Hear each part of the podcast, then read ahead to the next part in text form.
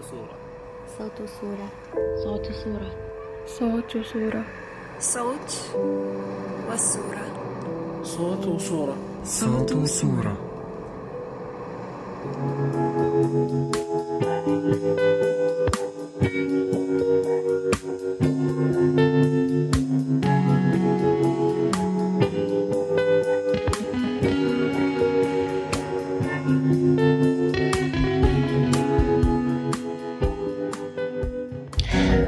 وسهلا ومرحبا فيكم في حلقة جديدة من بودكاست صوت وصورة.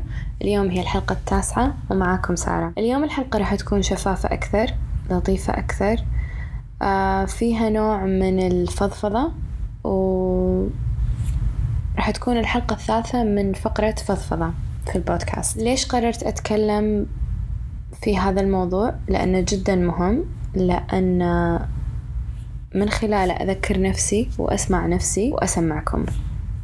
ليش سويت هذا البودكاست؟ أول سبب سويت في هذا البودكاست الإجابة على الأسئلة اللي دايما تتوارد في مخيلتي في عقلي في أفكاري. وللمشاركة مع الناس اللي حواليني هذا أول سبب. ثاني سبب في 2012-2013 كنت أدرس في كلية الحقوق.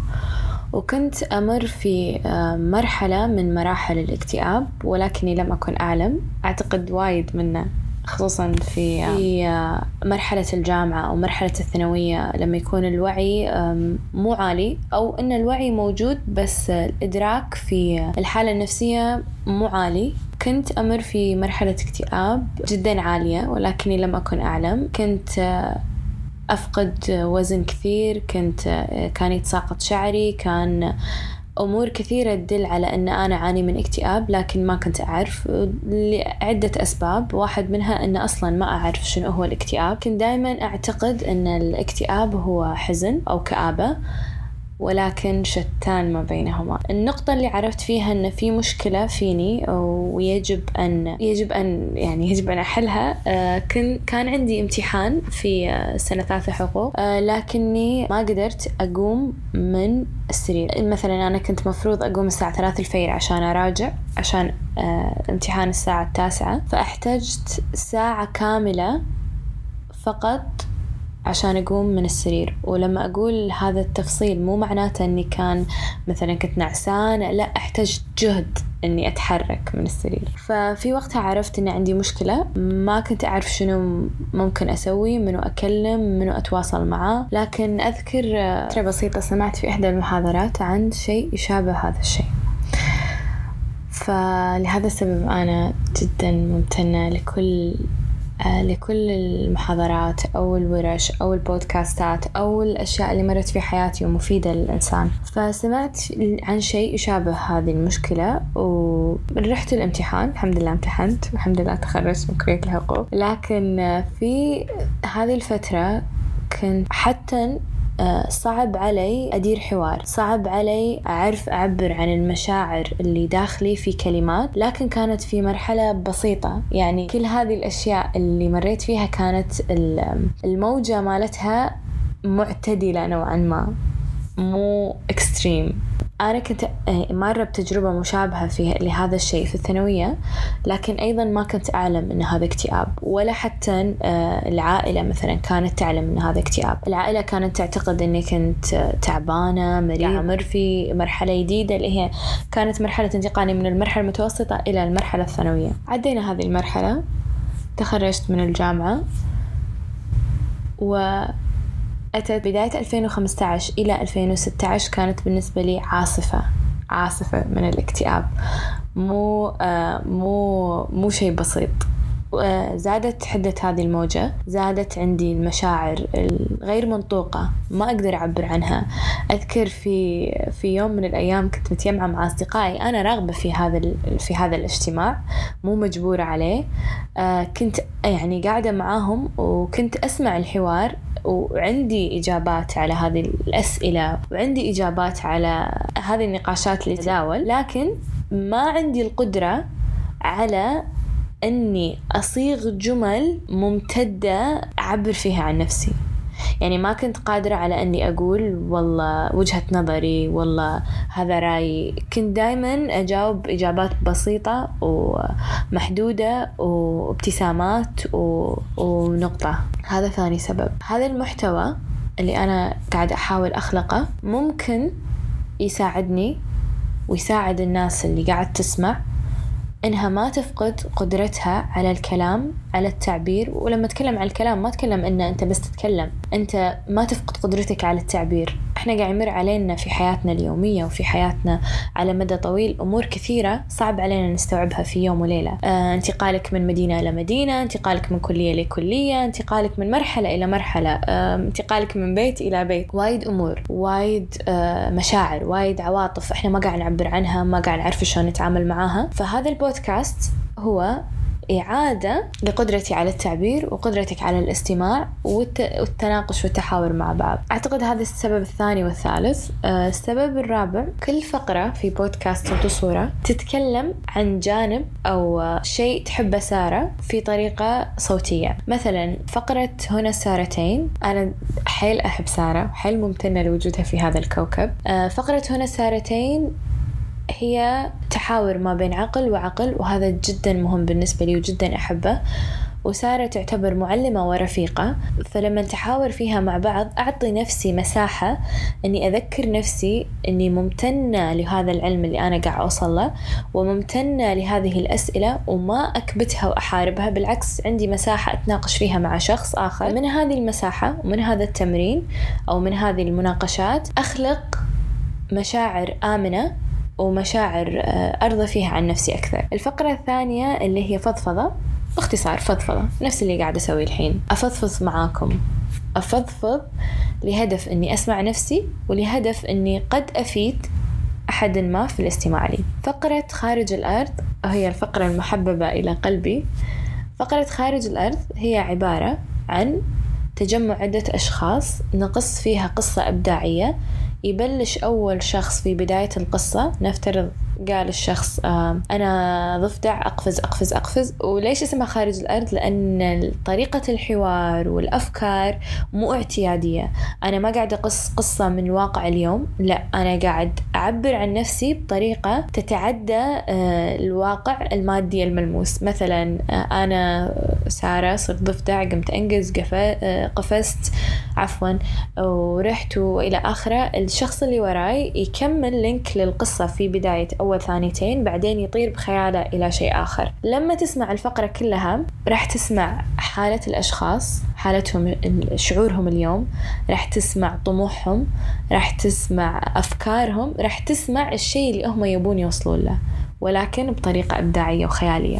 وهذا التمرين مو أنا اخترعته هذا تمرين آه، ممارس في علم الاجتماع وممارس في العلاج بالفن وممارس في عدة أمور. ولكن أنا حاولت أني أعيد برمجته بطريقة تناسب تناسب الأشخاص اللي يشاركون آه، في هذا المحتوى من الدول العربية. هني ننتقل للنقطة السادسة أعتقد. اللغة العربية ليش ما سويت هذا البودكاست باللغة الإنجليزية؟ واحدة من الأشياء اللي أحبها في ثقافتي اللغة العربية أنا كنت أدرس في مدرسة ثنائية اللغة لا كانت تركز على اللغة العربية للأمانة ولا كانت تركز على اللغة الإنجليزية كانت تركز على الإبداع وعلى ال- الارتجال وعلى الأمور اللي هي المهارات المهارات الإبداعية اللي هي شلون تتكلم عن تعبر عن نفسك شلون آه تكون creative أكثر من خلال اللعب من خلال القصص. لكن لم يكن تركيزها لا على اللغة العربية ولا على اللغة الإنجليزية. انتقلت من هذه المدرسة إلى الكويت إلى مدرسة حكومية. وهنا كانت المفاجأة. في المدرسة في الكويت كانوا يركزون على اللغة العربية والتركيز ضعيف على اللغة الإنجليزية. وفي مدرستي السابقة كان في تركيز باللغة الإنجليزية على الحوار وليس على القواعد وإلى آخره، فأنا لما وصلت إلى الكويت وأدرس في هذه المدرسة الحكومية صار التركيز على اللغة العربية قوي لكن لغتي العربية ضعيفة، ولكن من حسن حظي إني كنت في الصف السابع أو الثالث متوسط فكنت ممكن أتحسن. ولكن التركيز على اللغة الإنجليزية لأنه كان ضعيف ضاعت مني اللغة الإنجليزية حتى قدرتي في التعبير عن نفسي. ولكن أعتبر أنا من ال- المتحدثين اللغة العربية الإنجليزية بمستوى متوسط. أو average فنرجع إلى اللغة العربية. لما صار عندي تركيز على اللغة العربية أتقنت اللغة العربية أتقنت التعبير عن نفسي باللغة العربية إي نعم بالقواعد ما زلت متوسطة إلى جيدة ولكن التعبير في اللغة العربية عندي جدا جيد ومن الأشياء اللي جدا ممتنة لها. يعني أنا وايد كان عندي تصارع مع إن من إن ليش خذيتوني من عالمي إلى عالم جديد ولازم أعيد من أول وجديد أخلق أصدقاء جدد وعالم جديد لي وهذا أخذ مني وقت كبير. ولكن اللغة العربية وتعزيز اللغة العربية في المدارس أو في المدرسة عندي أو في معلماتي اللي درسوني من حسن حظي كان جدا جميل وجدا لطيف. حتى في في في سنوات بلا مروا علي معلمات غير مجيدين اللغة العربية مع إنهم يدرسون اللغة العربية ولكن لأن في أكثر من معلمة ولأن في أكثر من نشاط نشاط الإذاعة نشاط الصحافة نشاط التعبير في الامتحانات ساعدني كثير حتى في مو بس الامتحانات في الحصص ساعدني كثير إني أعبر عن نفسي. ف خل... آه قاعد أحاول أسوي هذا المحتوى باللغة العربية علشان أقوي اللغة العربية عندي وأزيد من محتوى آه اللغة العربية وخصوصا آه إنتاج دولة الكويت في البودكاست. السبب السابع والمهم جدا لي إيجاد اتصال ما بيني وما بين الدولة التي أنتمي إليها وأحمل جنسيتها. أنا كنت أدرس في بداية طفولتي نفس ما قلت لكم في مكان مختلف. جيت في سنة 13 سنة إلى الكويت. وايد أشياء فاتتني. اللهجة الصحيحة الكويتية العادات والتقاليد المجتمع شنو طريقته منو هو شنو تصنيفاته الأمور أمور كثيرة يعني ما أقدر أحصرها في دقيقة ولا دقيقتين. احتجت وقت كبير علشان أفهم أمور كثيرة وما زلت أجهل أمور كثيرة. وأعتقد حتى أن الناس اللي موجودين في الكويت يمكن يكونون تناسوا هذه الأمور. فقرة سوالف من الكويت اللي هي فقرة من فقرات البودكاست وجدت علشان أتعرف فيها أكثر على الأشياء اللي ما أعرفها أذكر نفسي وأذكر كل اللي يسمع البودكاست أو هذه الفقرة تحديدا. بالأمور اللي موجودة بالكويت وتحتاج تتذكرها أو تحتاج تعرفها من أول هذا آه آخر سبب. كذي أكون تكلمت معاكم ليش سويت أنا هذا البودكاست وليش أحبه وليش ممتنة إلى وجود كل شخص آه ساعدني في هذا البودكاست. آه راح أذكر بصورة سريعة الأسماء. ممتنة إلى أروى سارة الكوت فكري. الأشخاص اللي شاركوني في فقرة خارج الأرض الأشخاص اللي ساعدوني في تصميم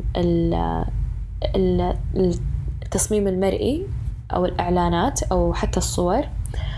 ممتنة إلى علياء ممتنة, ممتنة إلى, إلى أبرار. أبرار رائعة. ممتنة إلى محمد عصام اللي ساهم في أحدى تصاميم المرئية. من غير أي مردود ممتنة إلى الكثير والكثير والكثير ممتنة إلى ممتنة إلى سارة امتنان لا ينتهي بكلمة وكلمتين سارة السيد. آه امتنان طويل طويل طويل طويل جدا. وأهم امتنان ممتنة فيه لكم أنتو للمستمعين اللي استمعوا وشاركوا وناقشوا وحاوروا وشاركوا في الفقرات. آه شكرا لكم جزيلا شكرا لاستماعكم. راح أشارككم صوت جدا أحبه أبيكم تتخيلون الصورة. الصوت هذا من أحدى ال... خلونا نسمع ما راح أقول لكم.